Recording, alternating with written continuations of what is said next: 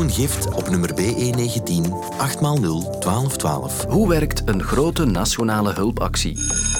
Bij ons moest je wel echt al serieus je best doen om geschorst te worden. Is er hier ooit iemand geschorst? eh? Nee. nee. Ik was echt een superbrave leerling. Meer leerlingen worden geschorst. Maar is dat wel een goede straf? Tickets voor Beyoncé die belachelijk dynamic, ja, duur tickets. zijn. Ja, die dynamic tickets. Ah, ja. En wat is dynamische ticketverkoop? Het is maandag en je hebt het kwartier alweer gevonden. Welkom.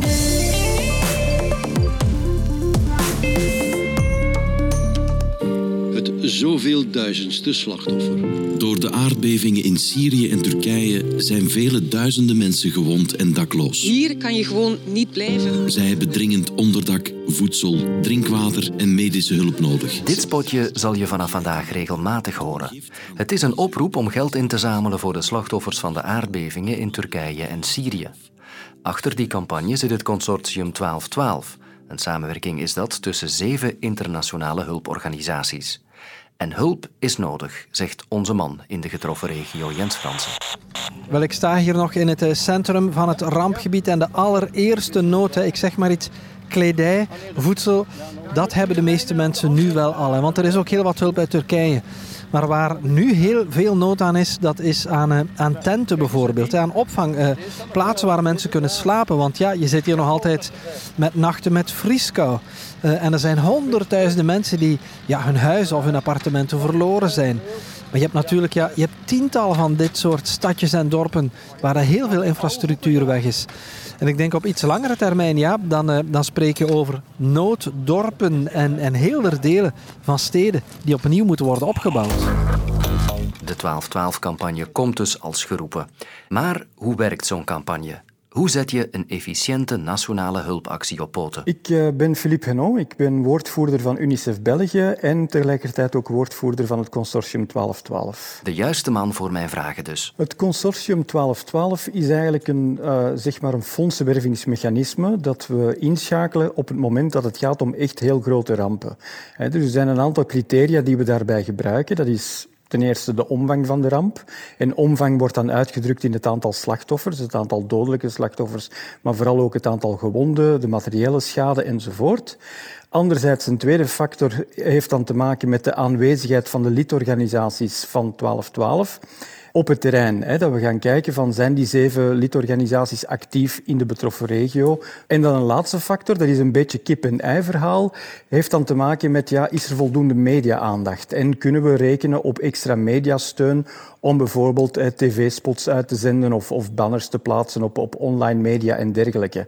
Dus dat is echt wel heel belangrijk en dat is ook zo gebleken bij vorige acties die we met 1212 hebben gedaan, hè, met een aantal uitschieters, zoals bijvoorbeeld het tsunami nog altijd van 2004, 2005, die tot nu toe het grootste bedrag ooit heeft opgebracht voor eh 1212, namelijk 50 miljoen euro. Wat toch enorme bedragen zijn die we als individuele organisaties nooit zouden kunnen halen. Is het dan zo dat er een draaiboek klaar ligt, een scenario voor als er een ramp is en die campagne moet in gang gezet worden, dat dat uit de schuif gehaald wordt? Of hoe werkt dat precies? Er is inderdaad een draaiboek dat gehanteerd wordt. Een draaiboek dat eigenlijk elk jaar ook bijgesteld wordt. En dat wordt uh, opgesteld in samenspraak met de zeven lidorganisaties van het consortium. En dat draaiboek, ja, uh, dat is dan vorige week ook uh, voorgelegd. En dan zijn we gaan kijken naar al die verschillende criteria. Ook een beetje, en dat is een moeilijke natuurlijk, proberen in te schatten van leeft het gegeven of leeft de ramp bij het publiek. er is niet echt een doorgedreven wetenschappelijk onderzoek rond gedaan, maar er zijn een aantal indicatoren die wel maken dat een bepaalde noodsituatie beter zal aanslaan bij het publiek dan andere.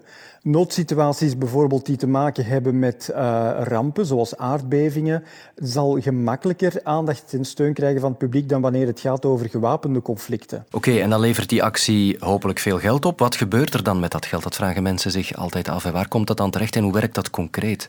De lidorganisaties van 1212 hebben onder elkaar een verdeelsleutel afgesproken. Het geld dat gestort wordt uh, op de 1212-rekening wordt dan eigenlijk op verschillende momenten doorgestort naar de lidorganisaties, die dat op hun beurt dan weer doorstorten naar hun projecten op het terrein. Ja, dus dat geld gaat nooit rechtstreeks naar een lokale overheid of zo?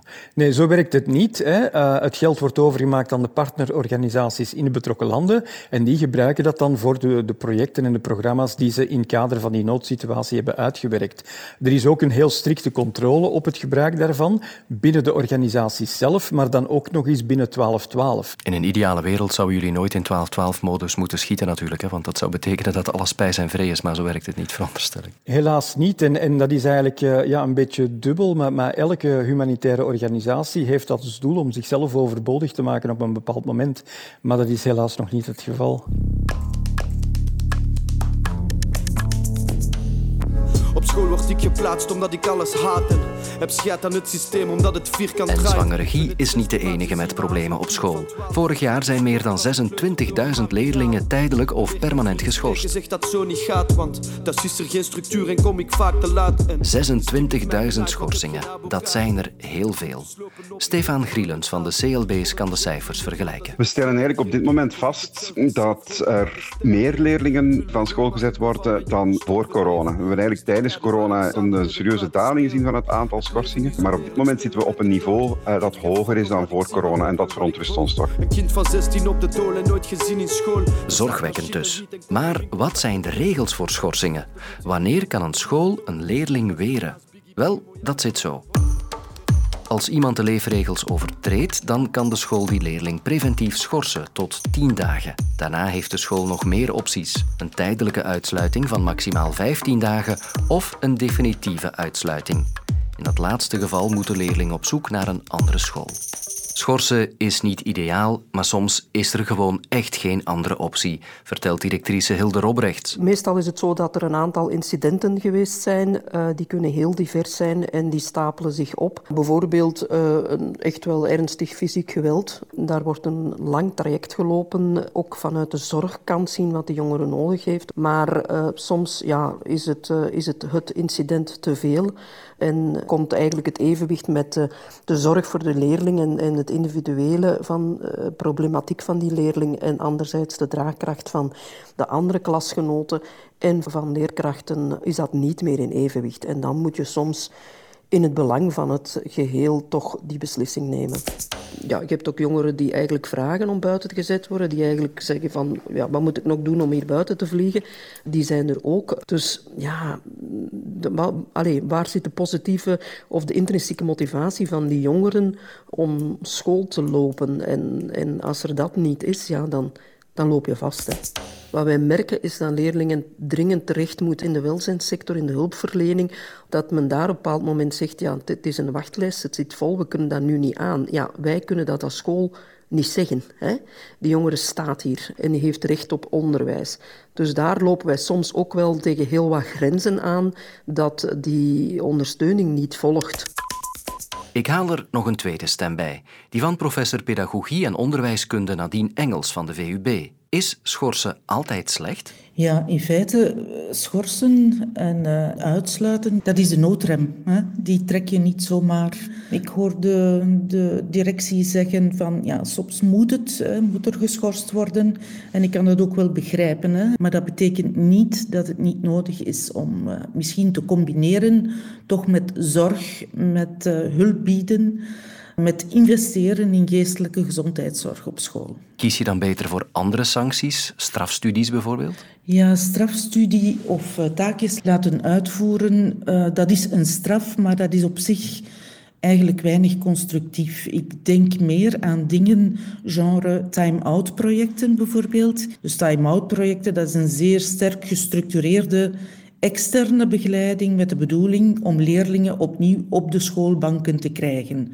In zo'n time-out project wordt ook vaak intussen gewerkt met de klas van die leerling en met de leerkrachten, zodanig dat er herstel kan komen. Herstel van de aangerichte schade en herstel van de relaties. Ja, die time-out projecten zijn dus veelbelovend, hoor ik u zeggen. Wat kan er nog meer gebeuren? Dus investeren, zoals ik zei, in die geestelijke gezondheidszorg op school. Dat gaat voor op een sanctioneringsbeleid. Je kan preventief proberen te werken aan veerkracht, aan verbondenheid. ook oog hebben voor armoedeproblemen. Dus eigenlijk, ja, zorg, leerkrachten, leerlingbegeleiders zijn meer dan ooit nodig. Nu, ik weet het, zorgleerkrachten, hè, dat is problematisch momenteel. Ze staan meestal voor de klas wegens het tekort aan leerkrachten. Oké, welzijn is erg belangrijk, maar sommige leerlingen zijn toch ook gewoon hardleers. Je hoort mij nu niet zeggen dat het allemaal een kwestie is van welzijnsproblematiek. Hè? Ik heb de directie daarnet ook horen vertellen over jongeren die wel bewust berekenend en manipulatief agressief zijn.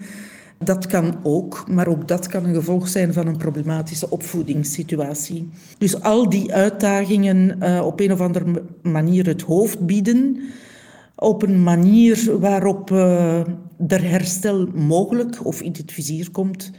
Ik denk dat dat altijd de bedoeling moet zijn. Professor Nadine Engels, dank u wel. Alsjeblieft.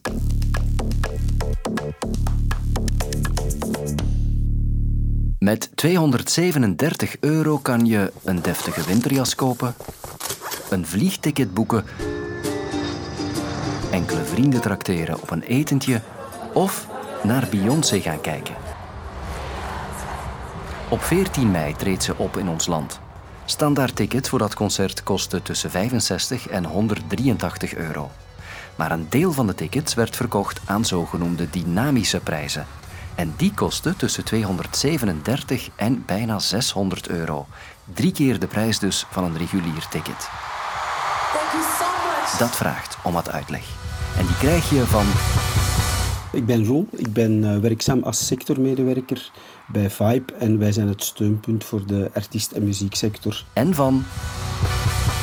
Ik ben Dirk de Korte, ik ben uh, docent cultuurmanagement, financieel management eigenlijk, aan de Universiteit Antwerpen. Waar komt deze praktijk vandaan? Het is eigenlijk vrij simpel. Het is een systeem dat we kennen vanuit de toerismesector, waarbij de prijs stijgt en ook daalt, al naar gelang de vraag. Dus als de vraag toeneemt, dan stijgt de prijs. Als de vraag daalt, dan daalt de prijs. Als je nu de hele discussie hoort die er rond die prices van, van Beyoncé is ontstaan, Eigenlijk doen die consumenten dat dus al jaren voor de reissector. Maar blijkbaar is men zich daar niet van bewust. Je ziet dat er uh, steeds meer verschillende ticketprijzen zijn, waarbij eigenlijk de beste plaatsen uh, voor veel meer geld worden verkocht. Een ander fenomeen zijn de VIP-tickets, waarbij fans eigenlijk veel duurdere tickets uh, kunnen kopen om in de namiddag de soundcheck bij te wonen. En dynamic pricing is eigenlijk gewoon een volgende fenomeen dat te maken heeft met die winstmaximalisatie, waarbij je eigenlijk de wet van vraag en aanbod laat spelen. Gaan we dit soort dingen nog zien? Normaal gezien, als je zegt van ik ga prijzen verhogen, dan verwacht je dat er minder mensen dat gaan kopen. Bij cultuurproducten zie je dus dat dat veel minder aan de hand is en dat bij prijsverhogingen er nauwelijks en zelfs soms helemaal geen terugloop in publieke belangstelling is. En dat is een typisch fenomeen voor wat men dan in de economie de zogenaamde waardegoederen noemt, dus goederen met een hoge emotionele waarde. You're going to see You're going to see Beyonce right, night, right now. Oh my goodness. Thank you so much. We're going to see Beyoncé. Het bijwonen van zo'n concert heeft dan voor mensen die zo'n ticket kopen een hele hoge emotionele waarde. En dan zijn ze dus ook bereid om daar meer voor te betalen en steeds meer voor te betalen. Ladies and gentlemen, are you ready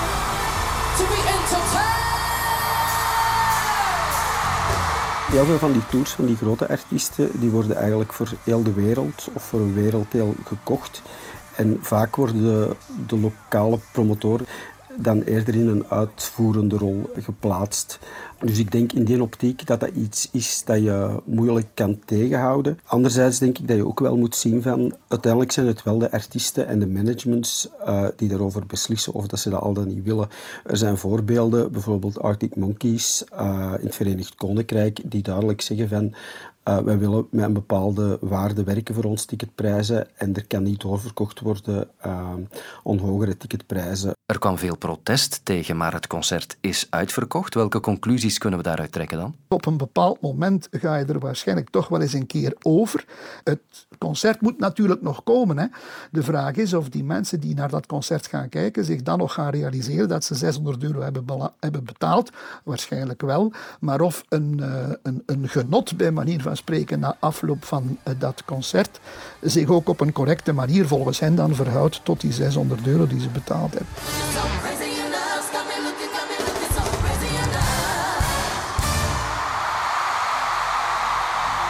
En deze podcast blijft gewoon gratis en dynamisch. Morgen vertelt Sofie meer over drie nieuwe verhalen. Luister ook naar Snapt je mij nu? Onze VRT Nieuws-podcast waarin straffe twintigers praten over hot topics. Nu in de app van VRT Max.